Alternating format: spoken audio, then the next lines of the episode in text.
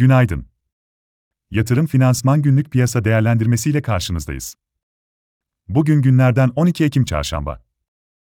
Amerika Birleşik Devletleri tahvil faizlerinde yükseliş hız keserken dün Amerika Birleşik Devletleri borsalarında karışık bir kapanış, bu sabah ise vadelilerde alımlar görüyoruz. Asya'da ise zayıf seyir devam ediyor. Biz de yatay açılış bekliyoruz.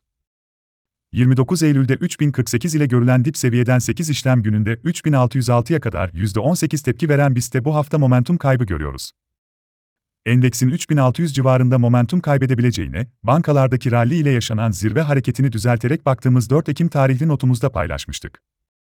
Devam eden süreçte, Ağustos ortasından bu yana küresel borsalara karşı belirgin şekilde pozitif ayrışan BIST'te, uzun vadeli cazip değerlemelere karşın kısa vadede sınırlı geri çekilmeler yaşanabilir. Böyle dönemlerde destek seviyelerine dikkat edilmeli ve stop loss disiplininden taviz verilmemeli.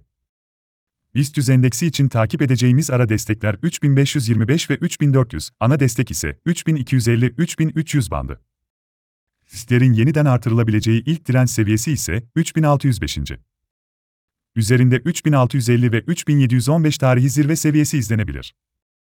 Türkiye 5 yıl vadeli CDS primleri güne 772 bas puandan başlıyor. İçeride, büyüme açısından önemli göstergelerde biri olan sanayi üretimi açıklanacak. Sanayi üretiminde, Ağustos'ta aylık %6,4, yıllık arındırılmış %5,1 büyüme bekliyoruz. Bugün Euro bölgesinde de sanayi üretimi açıklanacak. Burada da önceki ay negatif olan verilerin Ağustos'ta pozitife dönmesi ve Avrupa'da resesyon kaygılarını hafifletmesi bekleniyor. Amerika Birleşik Devletleri'nde ise yarın açıklanacak kritik Eylül ayı tüfe verileri öncesi bugün üfe verileri açıklanacak aylık %0,2 artışla yıllık üfenin %8,7'den %8,4'e gerilemesi bekleniyor. 16.00'da Avrupa Merkez Bankası Başkanı Lagarde konuşacak, 21.00'de FED tutanakları yayımlanacak. Yatırım finansman olarak bol kazançlı bir gün dileriz.